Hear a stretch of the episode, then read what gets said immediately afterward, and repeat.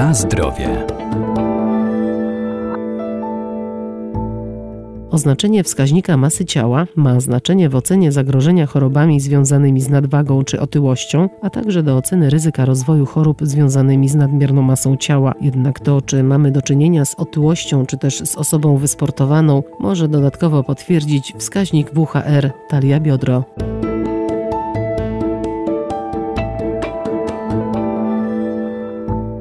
Zdrowe odżywianie to racjonalna dieta i odpowiednio dobrane produkty, to także ruch i aktywność fizyczna, co pozwala utrzymać odpowiednią wagę, a także zgubić zbędne kilogramy. Warto jednak regularnie kontrolować masę ciała i inne pomiary. Do tego może nam być przydatny wskaźnik BMI. Dosłownie tłumacząc Body Mass Index, czyli indeks masy ciała, jest on oczywiście bardzo prosty do zastosowania, ponieważ potrzebujemy, aby go obliczyć masy ciała oraz wzrostu. No i wzór na to BMI jest taki, że mamy u góry masę ciała ciała w kilogramach i musimy tą masę ciała podzielić przez wzrost w metrach kwadratowych, podniesiony jeszcze do kwadratu. Dietetyk Maciej Pokarowski, Uniwersytet Medyczny w Lublinie. Jeśli chodzi o interpretację tego wyniku, to wartość poniżej 18,5 może świadczyć o zbyt niskiej masie ciała, czyli o niedowadze.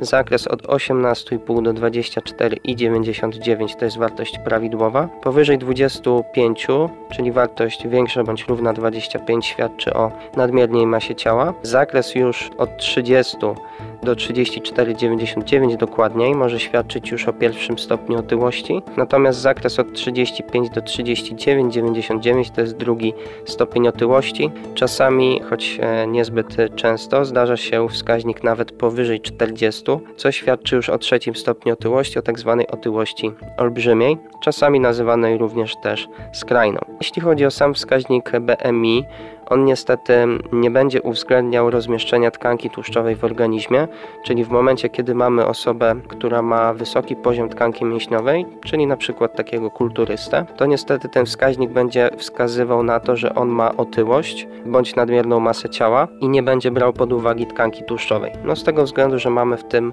wskaźniku tylko odniesienie do masy ciała i do wzrostu. Natomiast jest to świetna rzecz, jeśli chodzi o badanie dużych populacji i badania przesiewowe. Jest to używane między m.in. w szpitalach przy ocenie stanu odżywienia chorych. No i w momencie, kiedy widzimy, że masa ciała jest e, zbyt niska, ten wskaźnik BMI jest e, po prostu niski, no to może nam sugerować niebezpieczne e, niedożywienie pacjenta, no i możemy wtedy szybko reagować.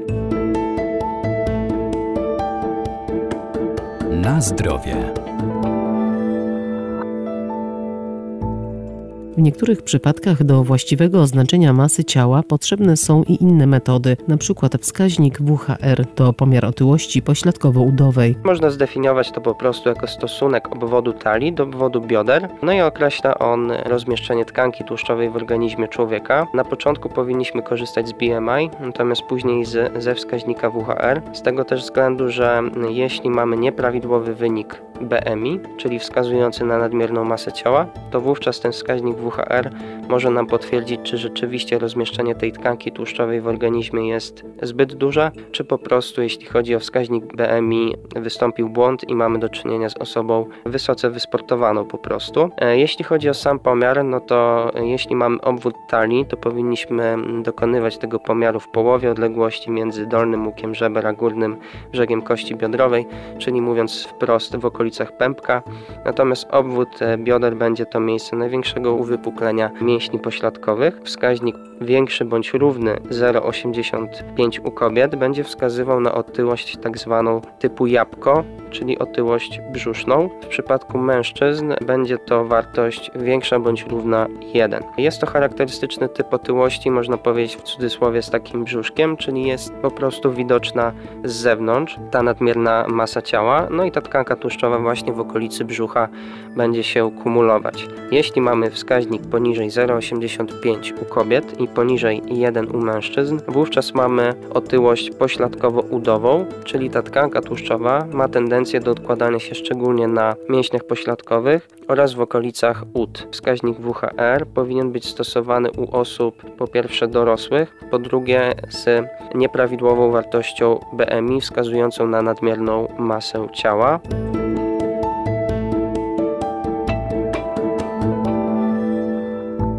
Pamiętajmy, że zdrowa dieta to nie tylko odpowiednie nawyki żywieniowe, ale także codzienny ruch i aktywność fizyczna, a także turystyka i rekreacja. A najprostszą formą ruchu może być zwykły spacer. Na zdrowie.